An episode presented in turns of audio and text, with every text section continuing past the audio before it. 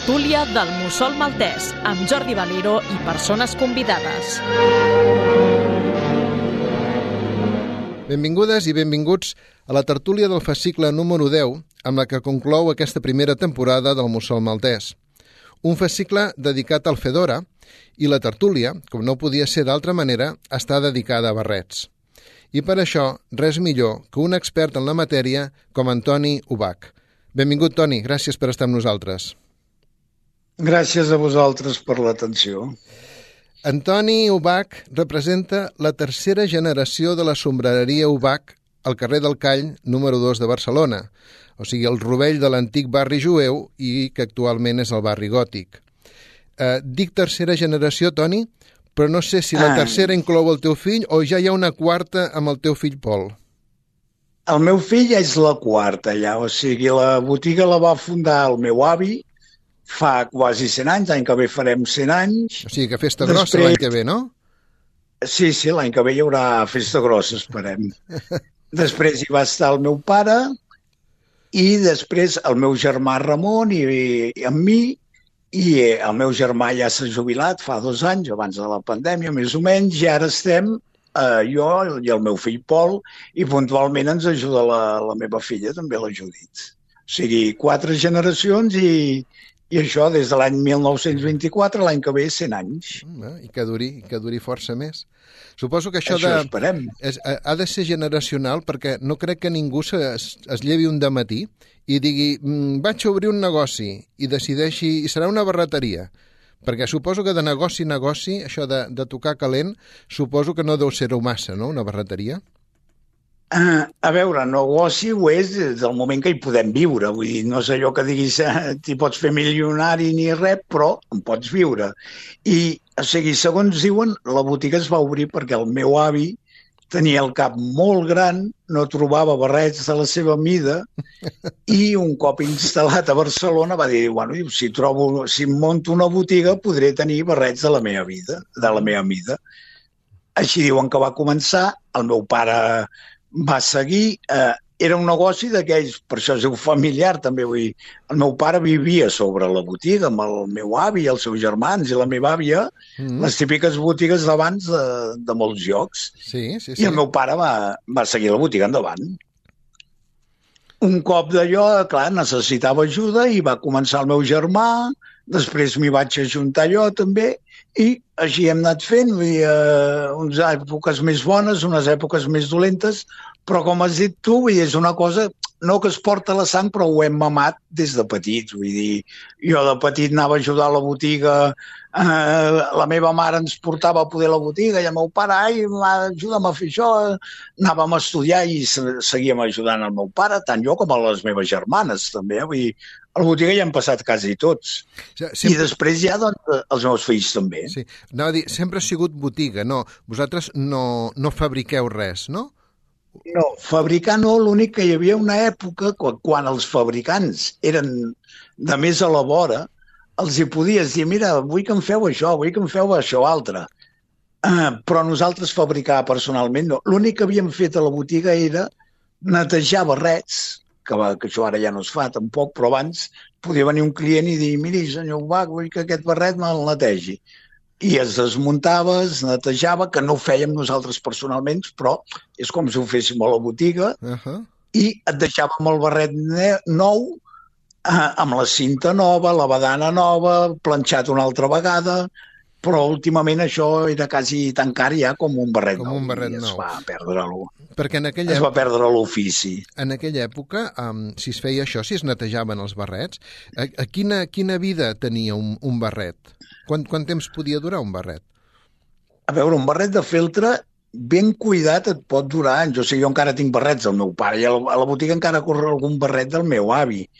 El que passa que, clar, si no es pot netejar, no es pot canviar la cinta, no es pot planxar, clar, un barret eh, es va fent malbé. Ara, si no, un barret pot durar anys i anys. Vull dir, eh, si un barret és de qualitat bona, eh, pot durar molts anys. Vull dir que no... Què passa? Que ara no es poden netejar, aquest és el mal. Ni, ni tan sols amb una, amb una bugaderia, ni tan sols amb, no, amb sec, no, perquè, ni o sigui, no, perquè, o sigui, amb sec sí, però mai queda com nou. O sigui, un barret per netejar-lo bé és desmuntar-lo, et queda com un cono de... Et estic parlant de barrets de feltre, eh? Sí, Et queda com un con de feltre, és, es neteja, i després necessites algú que sàpiga planxar-lo, donar-li la forma, posar-li la cinta, posar-li la badana, i clar, això avui en dia mm, és, és més pràctic fer un barret nou. És, que és, és com fer un barret nou ja directament. Ja no sé que sigui un barret que estimis molt, vull dir, no, ningú t'ho fa. Deia en el, en el fascicle, de, quan parlava del, del barret Fedora i dels barrets en general, deia que la gorra de, de tipus béisbol eh, va anar arraconant els barrets, no? En general, avui en dia, la gent jove quasi bé no... O, o es pensa que un barret o és o per una festa de disfresses o per, bueno, per, per imitar uns, uns temps passats, per fer alguna, alguna representació teatral, però dona la sensació de que, de que el barret en si ha, ha anat perdent pistonada. Llavors, que la vostra clientela mm, és de gent de, de mitjana edat, mm, preferiblement dones, homes, com ho teniu repartit? A veure, l'edat eh, anem de, de tot arreu, vull dir, eh, gràcies a Déu tenim clients molt joves i, clients, o sigui, inclús hi ha gent com la botiga, que venen de generació en generació, Mm. o gent que ve aquí i em diu, mai havia entrat a la botiga, però sé que el meu avi venia a comprar barrets aquí. O sigui, clientela en tenim de totes les edats, majoritàriament més masculina que femenina, això- però sempre ha sigut així, eh, la botiga Sí? excepte, o sigui, abans d'agafar-la el meu avi, sabeu que era una barreteria de dones. I el meu avi la va posar d'home perquè es gastava molt més el barret d'home antigament i a partir de llavors sempre va ser enfocada al públic masculí. Però després, en l'època del meu pare ja vam començar a posar barret de dona una altra vegada. I sí, realment el que deies tu de, de que s'ha imposat molt més la gorra tipus béisbol o la gorra tipus Gatsby, la gorra... per una cosa que és ben bé la prac- practicitat, o sigui, un barret no... De, a, a part de que hi va una època que un barret era per vestir o un senyal de distinció o així, avui en dia ja no, perquè, o, per exemple, vaig vestit en plan esport sempre i vaig en barret, no, no porto mai gorres. El que passa que, clar, un barret, doncs, sempre, ara no sé on el deixo, ara que no, que no se'm posi malament, eh, en canvi una gorra, doncs, clar, te la guardes a la butxaca, si és necessari, o al macuto. Sí, sí, en canvi, un barret eh, l'has de portar sempre o a la mà o... I, clar, eh, no és tan pràctic. I els, els clients són bàsicament nacionals o també teniu gent de fora? Mm, No, ara quasi m'atreviria a dir que, que mitat i mitat. O sigui, hi ha una cosa que l'estranger s'utilitza molt més que aquí el barret. Sigui, a l'estranger veure... Primera, a l'època hivernal, perquè el fred, vull dir, el, el barret pel fred és una cosa primordial, vull dir, Mm. anar amb el cap de... O sigui, el que dèiem de les extremitats, cap, mans i peus calents, Mm. Eh, això segueix existint. Vull dir, si tu vas amb els peus calents, les mans calentes i el cap calent, estàs molt millor. I clar, eh, a l'estranger fred en fa molt més que aquí i anar amb el cap tapat, doncs, eh, sempre és molt millor. I no sé per... Bueno, sí, amb totes les multinacionals i, i cadenes comercials i tot això, botigues tradicionals de barret han desaparegut a quasi tot arreu. I clar, que hi hagi una... Bueno, a Barcelona n'hi ha dues, a part de la meva n'hi ha una altra, que hi hagin dues barreteries a Barcelona dedicades exclusivament a barrets, clar, eh, això, doncs, eh, les notícies corren i, i jo tinc clients estrangers de tota la vida, també. I amb això que, que ara es viatja tant i que, eh, ui, anem a Barcelona, com aquell que, que se'n va a Sants, es pot dir, Sí. doncs eh, això també fa que hi ha molts clients que venen cada any a comprar. Bueno, de fet, suposo que s- bueno, sou una de les tendes considerades emblemàtiques de Barcelona. Per tant, m'imagino que fins i tot en alguna guia de viatges o en alguna referència segur que s'us anomena i al millor hi ha turista que diu, ostres, mm, bueno, com nosaltres si anéssim a París o Londres i anéssim a visitar una tenda específica que tingui més de 100 anys, no? Suposo que Ah, igual us venen exacte. us ve gent així.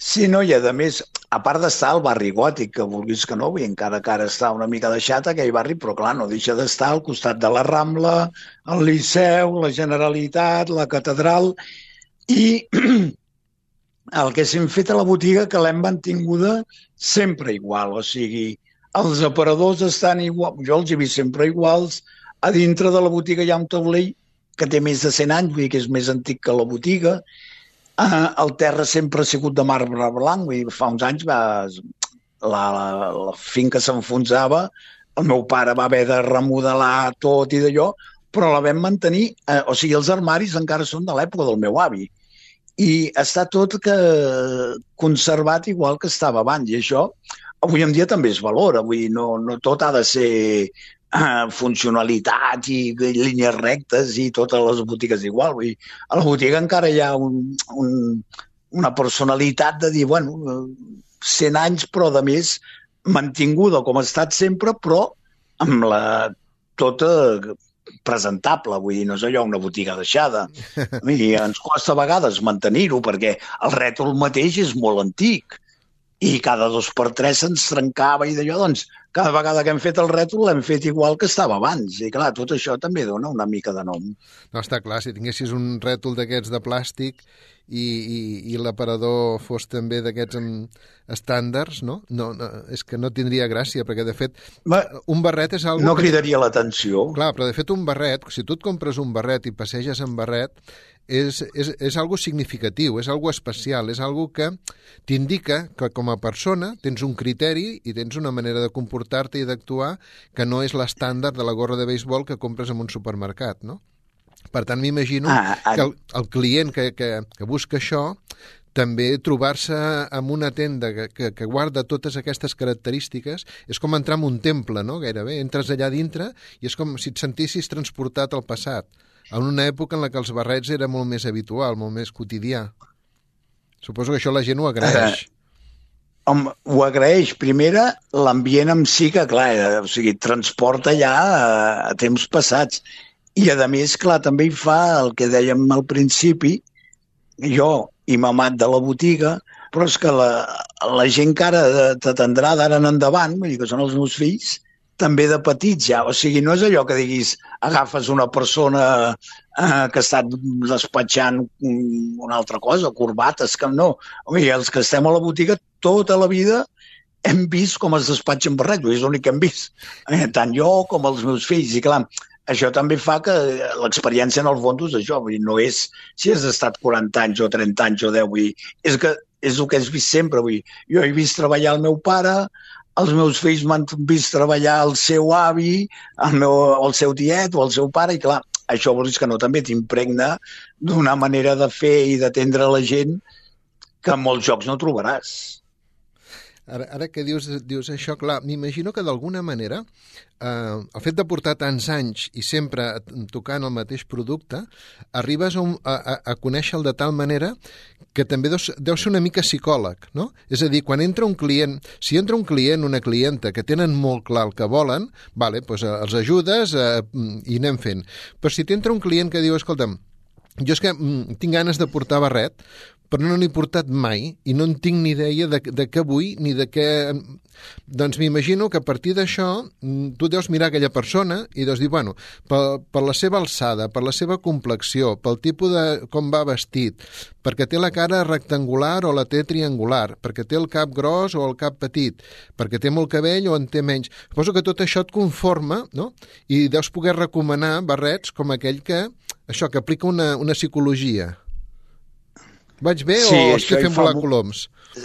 Sí, no, no, vaig bé, però hi ha moltes vegades que ens equivoquem, eh, també. no, no és tan fàcil, eh, perquè eh, a vegades dius, sí, aquest senyor o aquesta senyora li convindria això, i, però després eh, et surt per un altre carreró i dius, conxo, no, és que jo això no m'hi veig, que... O sigui, sí que te, gràcies a l'experiència ja tens una idea de lo que pot buscar el client, però també hi ha moltes vegades que, que fots eh, una cagadeta d'aquelles que... A veure, no passa res, no? Perquè al fin i al cap és la botiga i d'allò, no?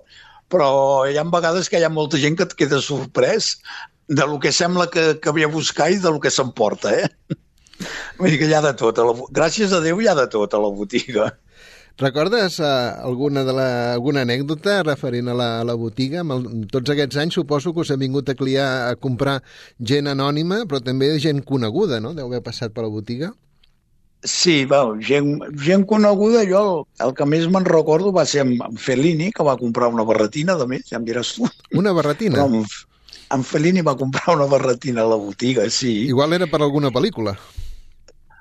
No, a veure, hi ha molta gent que, que sap el, el d'allò català i així, i diuen, no, no, si el típic de que, que després hi ha molta gent que també ve a la botiga i diu, vull una barretina, i quan li dius, oh, l'ensenyes el que és, diu, però si esto jo no me lo puedo poner, segons on ve, o sigui, vull dir Ja. que poder el Fellini estava més informat, no ho sé, i, i mira, bé, si vols una anècdota una mica escatològica, sense ser gaire...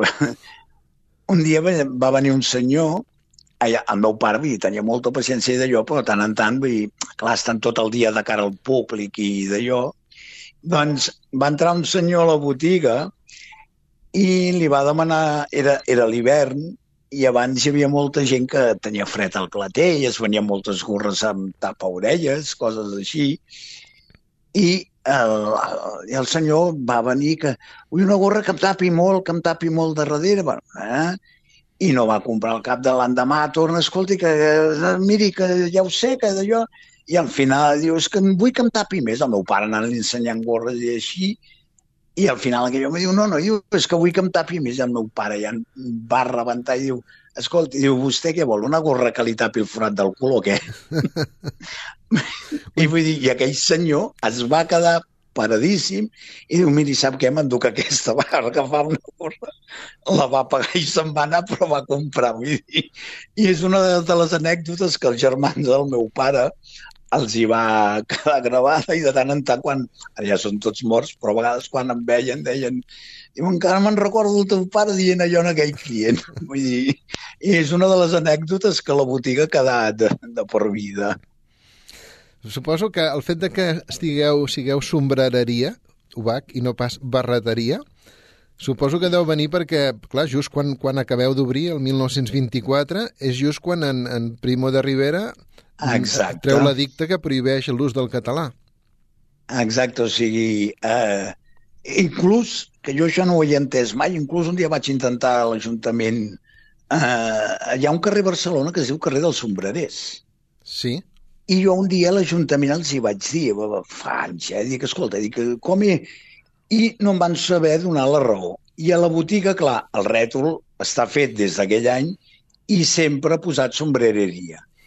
I jo, vaja, clar, a l'època del meu pare, ell canviar això, vull dir, eh, clar, tots, ell tota la vida va viure també sota la dictadura franquista, vull dir que no, ni se't passava pel cap que es pogués fer això. I quan jo algun any li vaig dir, dic, papa, i dic, podríem posar capelleria, perquè, clar, casa de Barrets també queda, no queda gaire... bueno, i el rètol tampoc no d'allò. I la meva idea era posar capelleria o barreteria. Mm. Però el meu pare sempre, bé, sempre ha sigut sombrereria, deixem sombrereria. I l'únic que hem fet és que les portes, de, hi ha dues portes d'entrada, ja, ja posa cap barrets ubac i capells ubac, allà ho posem en català. Mm. Però el rètol, com que sempre ha sigut sombrereria, ja, ja és com una tradició també. I jo ja et dic, eh, ho vaig intentar canviar, però després el meu pare va dir, "Bé, diu, deixem-ho així, i jo ja, el dia de demà el meu fill, com és lògic, posarà el que voldrà, però jo ara ja no, ja no ho canviaré. No, Això no. que si algun client o així m'ho pregunta, li explico. Eh? De fet, de fet, exacte, jo no ho tocaria, perquè forma part de la història del local Exacte. i de, i de, Sí, de tot sí, plegat. dir, sempre ha sigut una sombrereria, Mm. vull dir, i, bueno, hi ha molta gent encara que, que em pregunta com es diu sombrero en català, vull dir que hi ha molta gent que encara entra i em demana un sombrero, tot i parlar en català, eh? Sí, no, no, hi ha moltes paraules, moltes expressions que, que s'han s'han integrat i encara que no siguin, no siguin correctes, no? però formen part de, de la parla diària de la gent, del carrer, amb la qual Sí, tampoc, sí, tampoc no hem de ser ha, mira, és, tan és puristes. com el barco. Exacte. Eh, Abans no es digui tothom vaixell o no sé què, eh, em sembla que jo em moriré i encara hi haurà barcos, eh? Vull dir que no... Passa el temps. L'any... Quan, quan, quan acabeu de- d'obrir la botiga, és, és l'època negra a Barcelona en la que acaba tot el, el pistolerisme. Eh, fa poc Exacte. han assassinat el noi del sucre, fa poc que s'ha produït sí. el cop d'estat d'en de, Primo de Rivera. És una època molt convulsa, però és una època en la que gairebé tothom porta barret, no?, en aquell moment. Ja siguin allò que dèiem gorres Gatsby o siguin barrets de, de feltre. Bueno, és que si tu mires fotos... A, a veure, a, tu mires fotos de la Rambla d'aquesta època i te'n pots anar a l'època de l'Al Capone d'Estats de, Units, o sigui... Sí, sí, és la mateixa... Tots els senyors, tots els senyors anaven amb barret, tots els obrers o anaven amb, amb tipus gorra, que no era gorra de, de béisbol, eh? Vull dir, era no, no, la gorra la, Gatsby també, però anava tothom amb gorra o barret, tothom, vull dir... Era, ja et dic, veus una foto de la Rambla d'aquella època o veus una foto dels Estats Units i no saps si és la Rambla o és Wall Street. Ja està, suposo que tota la gent que anava al Liceu devia anar amb, amb barrets de copa en aquella època, potser. Ah, exacte, barrets de copa, les dones també anaven amb els tocats o d'allò, i l'únic eh, aquí, a Europa i a Espanya també en particular, després es va relacionar anar amb barret eh, a ser de dretes, a ser potentat, eh, a ser un explotador. Eh, o sigui, es va relacionar bastant, o ja, sobretot a Espanya, eh, va estar relacionat amb ser primer de, de la dictadura del Primo de Rivera o després de... Perquè el Franco, per exemple, anava amb barret. Sí. I aquí això va calar molt. I molta gent, si veies algú amb barret, pensava, ui, eh, i hi va haver-hi una època que se'n va dir el sinsombrerismo, van batejar més o menys, sí? que era no portar barret per no donar idees de les teves idees, diguem, o de, yeah. de la teva posició social. Vull dir, es va relacionar directament anar amb barret a ser senyor o, o potentat, digue-li... Sí, que el, que el barret estigmatitzava realment. No, sí, va haver-hi una època que sí. O sigui, el meu pare, clar, ell em va portar tota la vida i clar, i deia, diu, bueno, diu, però és que jo, diu, jo porto barret, diu, a part de perquè m'agrada i perquè em serveix, diu, perquè tinc una botiga de barrets. No, no, però clar. clar, hi havia molta gent, inclús amics seus, eh, que li deien, és que jo me'l posaria, però em fa cosa que em vegin amb, amb barret pel carrer. Vull dir, hi va haver-hi una època una miqueta, que va ser quan a Barcelona van plegar quasi totes les barreteries. O sigui, Barcelona em sembla, mmm, si no recordo malament, em sembla que el meu pare m'havia dit que hi havia entre 30 i 40 barreteries. Mm, déu nhi Inclús hi havia el, el gremi dels barreters. Igual que hi havia el gremi de sabaters, sí? hi havia el gremi de barreters de tantes botigues com hi havia. I van començar a tancar totes. I un dels motius va ser aquest. A part de la crisi que hi va haver mundial i la crisi espanyola en particular, es va deixar molt de portar el barret i el meu pare inclús es va plantejar posar cinturons, carteres o alguna altra cosa a la botiga, perquè, clar, hi va haver una època que no es venia quasi res. Clar, complements. Bueno, el, a l'abril crec que és, es fa la passejada en barret a Barcelona, no?, que ja porteu di, di, 19 edicions ha estat aquest any, em sembla, la 19a edició. Sí, sí, cada, ja fa uns anys que es fa, allà a la Rambla Catalunya, i a veure, algun any ha sigut més mac, algun any més lletja, però clar, és un, una manera també de potenciar l'ús del barret a qualsevol època i a qualsevol ciutat i a qualsevol època de l'any. Abans, per exemple, el que et deia, es portava molt el barret pel fred o així, mm. ara doncs s'ha de portar més pel, pel sol i eh, per un motiu o un altre sempre hi ha hagut una excusa per portar-ne de barret. Ara, jo ara em porto l'estiu, que abans no em portava, però el porto perquè el metge m'ha dit que no em pot tocar el sol. I com a mi, molta gent li diuen, no? Bueno, I clar, clar, la qüestió és saber-te adaptar als temps. Les malalties de, de la pell, que, que, que quan érem joves tothom prenia el sol sense protecció, no no n'érem conscients. Eh, ara cada cop més hi ha més consciència d'això i suposo que és recomanable passejar-te a l'estiu si vas per la platja o vas per algun lloc on, on hi ha molt sol, no? protegir-te el cap. Llavors, el, el capell que ha de ser ha de tenir una copa més alta perquè el cap respiri, perquè el cap transpiri, o com, com va això? A veure, això ja és... Eh, o sigui, en part, eh, a mi m'agrada també l'estiu portar-lo amb que el cap em respiri, però la veritat, ha arribat un punt que, que fa tanta calor l'estiu que portis el que portis et farà calor. O sigui, però el que diem de... Mira, jo molts estius, segons on vaig, vaig amb màniga llarga a passejar, però no per, perquè tinc perquè no em toqui el sol als braços, també. O sigui, allò que hi havia aquella època que la gent quasi anava mig despullada pel carrer, cada allò, no ha triomfat en part també per jo, per, a part de l'estètica o així. Està demostrat que el sol al cos ens és dolent. Que el, també hi ha metges que diuen que el cos té memòria i el, allò que dius tu, allò que fèiem de joves, d'estar tot el dia a la platja, que només ens posàvem Nivea, eh, doncs ara el cos ens ho, ens ho paga també, vull dir, el cos ho recorda. Ens passa factura. I clar, doncs, eh, i ara sí, t'has de posar cremes, però també si a part de cremes et pots tapar, ja sigui el cap, les, els braços i les cames, doncs és recomanable. I hi ha gent, doncs això, prefereix que tingui copa perquè així no t'agòbia tant i hi ha gent que prefereix una gorra ben arrapada. Vull dir, gràcies, eh, hi, ha, hi ha gustos per tot. Gràcies a Déu. Així, així pots tenir un bon assortit a la botiga i no només limitar-te a un sol tipus de barret.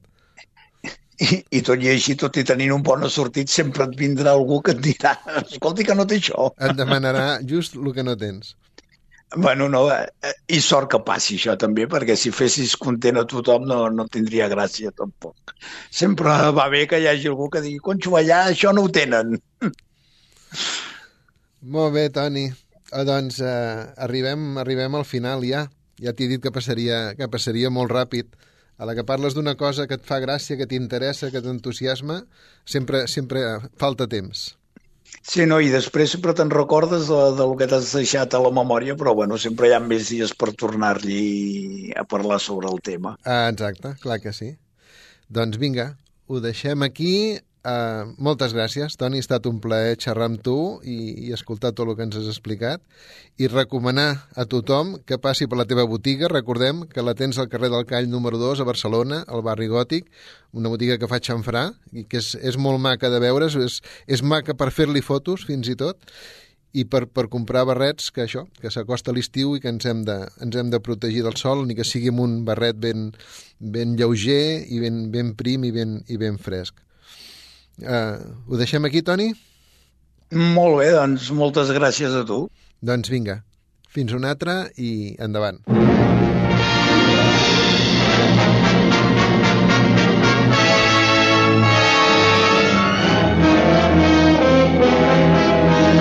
Acabeu d'escoltar la tertúlia del Mussol Maltès. Per estar al dia dels fascicles i les tertúlies, sintonitzeu-nos cada dimecres a dos quarts de nou del vespre.